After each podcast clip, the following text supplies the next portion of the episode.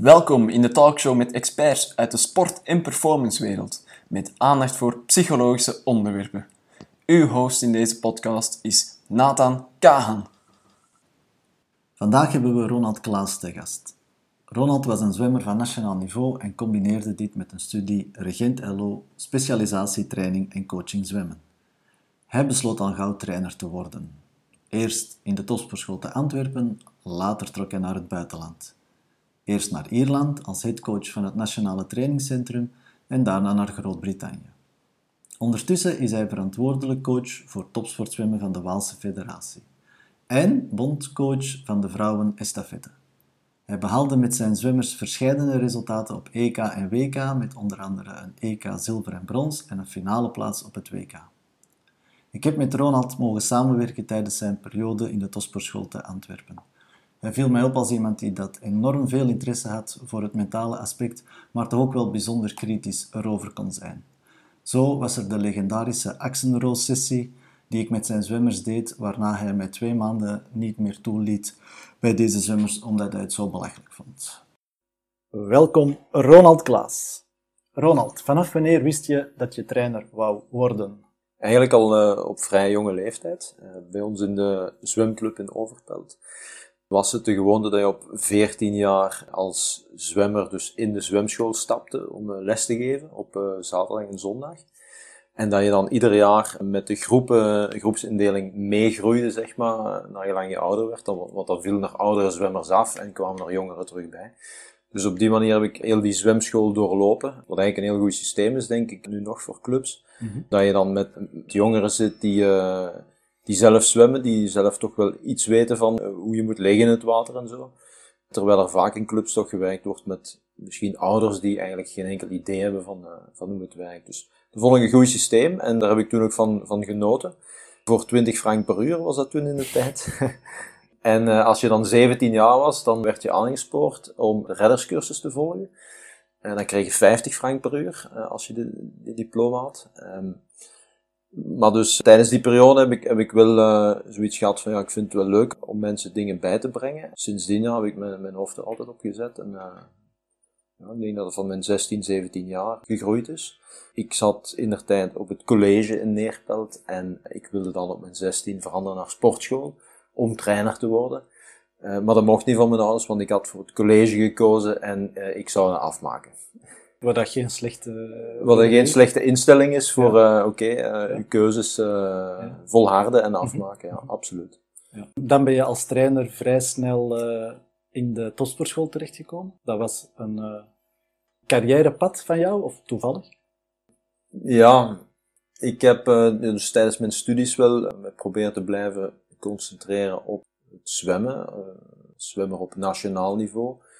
Maar dan ook stilaan de, de, de blozo-opleidingen in de tijd gevolgd. Dus initiator, trainer B, trainer A.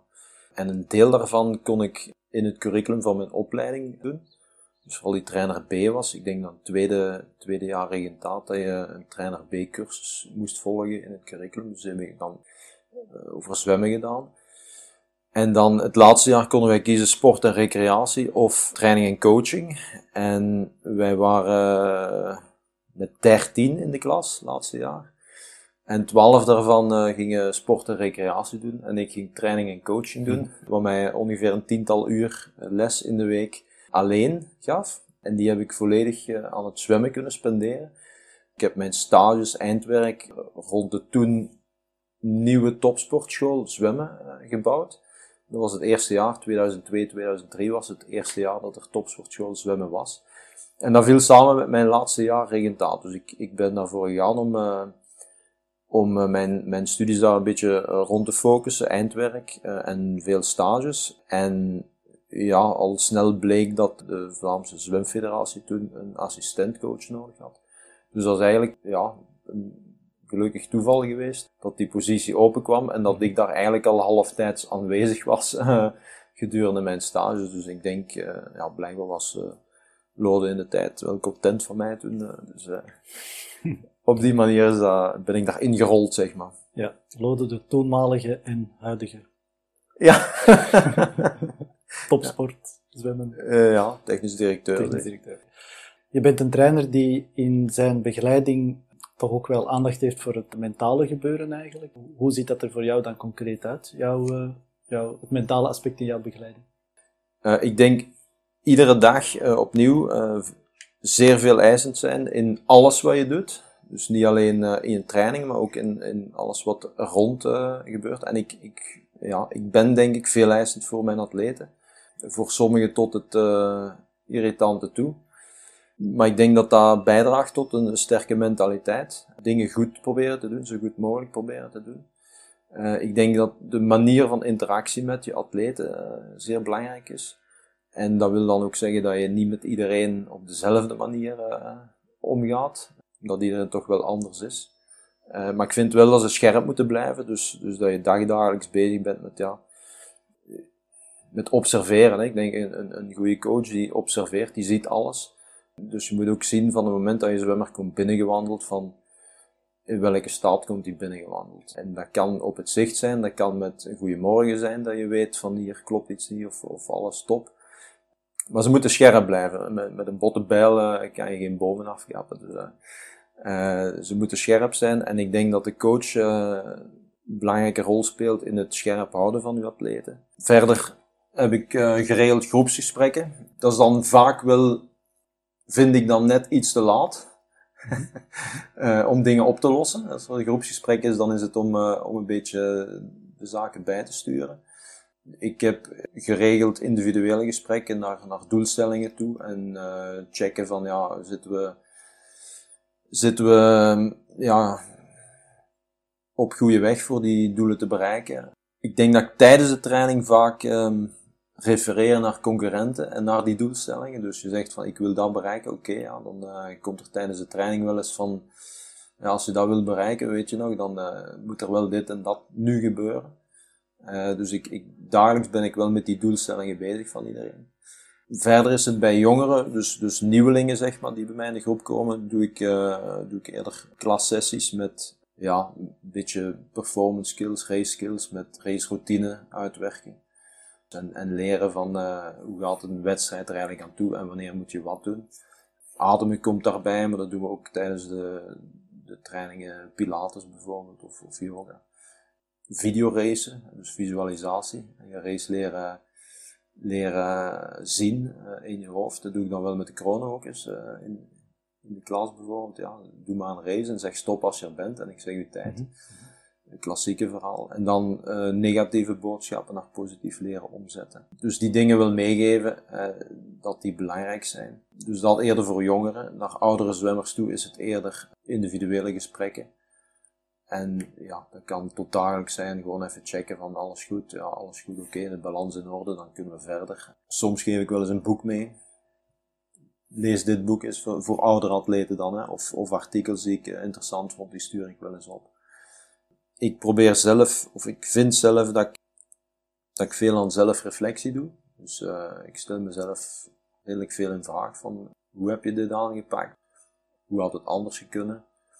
Gewoon even checken van, uh, ja, was dit de beste manier of niet? En dan indien er echte problemen zijn, ja, vaak eerder buiten het zwemmen om, dan, dan werken wij wel met een psycholoog, maar proberen zoveel mogelijk te vermijden.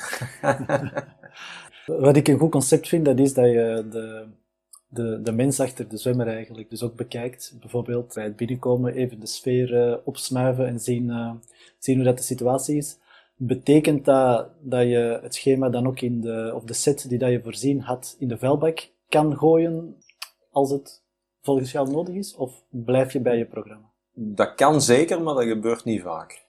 Want dan zit je uiteindelijk, ja, als je iedere dag uh, met 13 zwemmers alles in de vuilbak moet smijten, dan hoef je geen planning meer te maken. Dus de planning uh, volg ik zo goed mogelijk en uiteraard wordt daarin aangepast. Maar het kan zeker zijn uh, dat ik zeg ook iemand komt dan aan, komt binnen op training en, en is echt niet goed. Zeg ik, ga terug je bed in. Of het is een rustige training. Dat kan zeker, maar ik probeer dat ja, ik denk dat het job is van de atleet om dat zoveel mogelijk te vermijden. Om te zien dat ze in goede gezondheid, met goede energie, met volle goesting op training toekomen. En dan kunnen we doen wat we willen. Ja. En dan ook omgekeerd, als iemand te enthousiast of te hevig staat, ga je die dan afremmen? Ja, dan zeg ik wel eens, let op, vanavond of morgen is koekenbak, dus uh, ja, ja, absoluut. Ja. Het valt mij op dat je tot op dit moment voornamelijk vrouwelijke atleten begeleid hebt of tot mooie resultaten hebt gebracht. Zit daar een bewuste keuze achter? Ik ben een damestrainer. Ja, ik heb daar, uh, ik heb daar een notitie bij gezet. Mijn beste prestatie ooit was met een man, dat was achtste op het WK.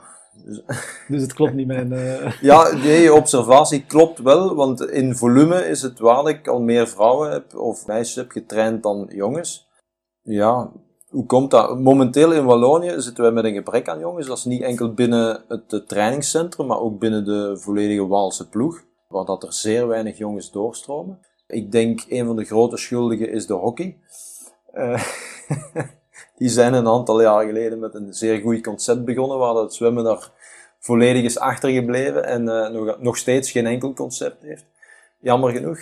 Dus ik denk dat wij uh, veel jongens aan andere sporten verliezen en verloren hebben de laatste jaren. Maar dus, ja, het klopt wel dat, dat qua karakter denk ik, hou ik wel van iemand die graag werkt en plichtsbewust is. En dat ligt meer in de aard van meisjes dan jongens die in het algemeen wat speelser zijn en misschien meer de, de, de, de ploegsporten en spel en amusement en zo. Ja, daar heb ik misschien te weinig geduld voor. Maar, uh, maar ja, goed. Is een vrouw begeleiden in de sport of in het zwemmen, is dat anders dan een, een man dan? Ja, ik denk op, op vlak van psychologie is iedereen anders. Iedereen heeft zijn karakter, wel, wel dezelfde types die terugkomen ja, ik denk op, op vlak van uh, fysiologie uh, is er veel onderzoek naar gedaan, maar ik probeer dat te vermijden om, om te lezen, want ik ben daar niet zo zeker van. Maar psychologisch, ja, ik weet het niet goed. Ik denk dat iedereen anders is. Het valt mij ook op dat je een, sterke verbondenheid met je zwemmers aangaat, misschien zelfs vriendschap. Heb je voor jezelf daar grenzen gesteld? Of hoe ver kan je gaan in zo'n uh, in zo'n relatie? Ja, ik denk dat je altijd wel karakters hebt waar je beter mee overeenkomt dan met anderen. Ik denk ook dat, dat de tijd waarmee je met iemand werkt, dus het aantal jaren eh, dat de atleet bij je traint, dat dat een groot verschil maakt. Eh, de resultaten die je samen hebt behaald, maakt ook een groot verschil. Dus dat, dat maakt toch wel een, geeft toch wel een goede band als je een aantal jaren eh, heel goed met iemand samenwerkt. Ja, mijn grootste vriendschappen zijn niet, komen niet van het zwemmen, tenzij met medezwemmers waar ik zelf vroeger mee gezwommen heb. En misschien mijn coaches van vroeger. Dus daar heb ik wel nog altijd een goede, hele goede band mee. Maar met zwemmers zelf, ja, ik zie het eerder als uh, atleten die op uw trein stappen en van uw trein afstappen. En als coach reis je verder. Hè. En als je die dan uh, uiteindelijk nog eens ergens tegenkomt, ja goed, bij sommigen is dat dan uh, gemoedelijker dan met anderen natuurlijk. Je hebt een vrij sterke visie over sportpsychologen. Kan je die eens uitleggen? Ja, ik heb eigenlijk altijd vrij intensief met psychologen gewerkt. In Vlaanderen met uzelf. Ja. Nee? Ja. ja. dus in Vlaanderen met uzelf en met Bert van Poeken, denk ik, in de tijd. In Ierland daarna hadden wij een, uh, zelfs een uh, psycholoog voor de zwemmers en eentje voor de coach zelf. Dus dat was, eigenlijk was dat fantastisch op vlak van, uh, van sportwetenschappen. Dus dat, was een zeer uitgebreid programma, zeer beschikbaar allemaal. Dus daar heb ik vrij intensief met psychologen gewerkt en zo alles geprobeerd en, en gedaan wat je kan doen. Maar ik ben altijd ergens op mijn honger blijven zitten. Ik heb altijd heel veel gehad aan de inzichten die, die psychologen mij meegeven over atleten. Dus in discussies die ik had, misschien problemen die ik had met atleten of dingen die ik niet zag. Dus de discussie die ik dan had met de psycholoog, de inzichten die zij mij gaven, daar heb ik altijd zeer veel aan gehad. Het werk dat de psycholoog met de atleet one-to-one deed, of bijvoorbeeld performance skills, of eh, iemand proberen ja, niet door het ijs te laten zakken op het grote moment, daar ben ik altijd eigenlijk op mijn honger blijven zitten. En dan vraag ik mezelf nu nog af van ja, goed, een echte winnaar, ja, kunnen we die maken of niet? Ik, ik, ik moet het nog zien. Ik denk het niet.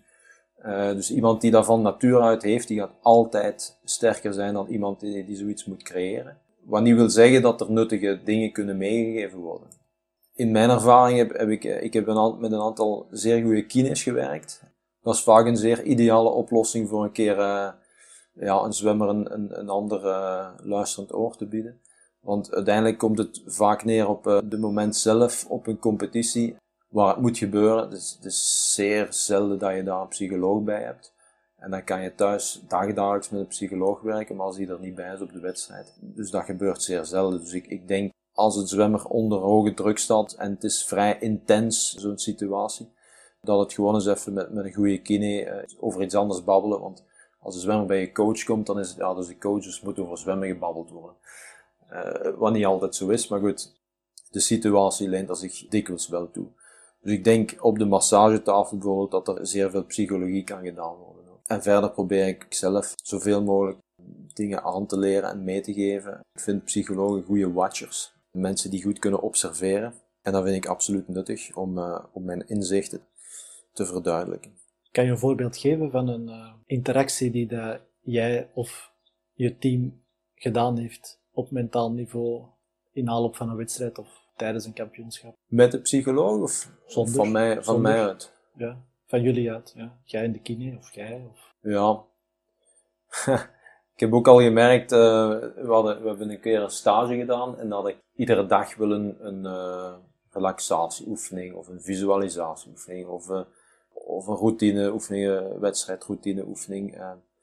dus dagelijks daarmee bezig geweest. En naar het einde van die stage merkte ik eigenlijk dat de zwemmers zodanig gehyped waren naar, naar die wedstrijd, dat ze eigenlijk een beetje te gestresseerd waren. Dus, uh, dus soms is het beter om gewoon Ja. niks te zeggen. Ja, mooi voorbeeld. Welke vaardigheid zou je nog graag bij jezelf ontwikkelen of verbeteren? Soms denk ik te veel in uh, worst case scenario. Langs de andere kant vind ik dat goed om je op het allerergste voor te bereiden. Dus uh, dat vind ik ergens wel goed, maar misschien laat ik mij er te vaak iets te veel in meeslepen en dan zou ik wel graag wat rust en, uh, en kalmte uh, beter kunnen behouden. Een beetje meer geduld hebben en een boodschap zeer duidelijk kunnen overbrengen. Waar je toch goed mee bezig bent. Kan je ons tenslotte nog één concreet advies meegeven op basis van je ervaringen, op basis van uh, je coach zijn? Altijd positief blijven. En als je botst, best zo hard mogelijk, want dan weet je wat er de volgende keer op je afkomt. Heb je daar ervaring mee? Absoluut. Ben je al een paar keer eh, serieus gebotst? Serieus gebotst, ja. Ja. Bijvoorbeeld?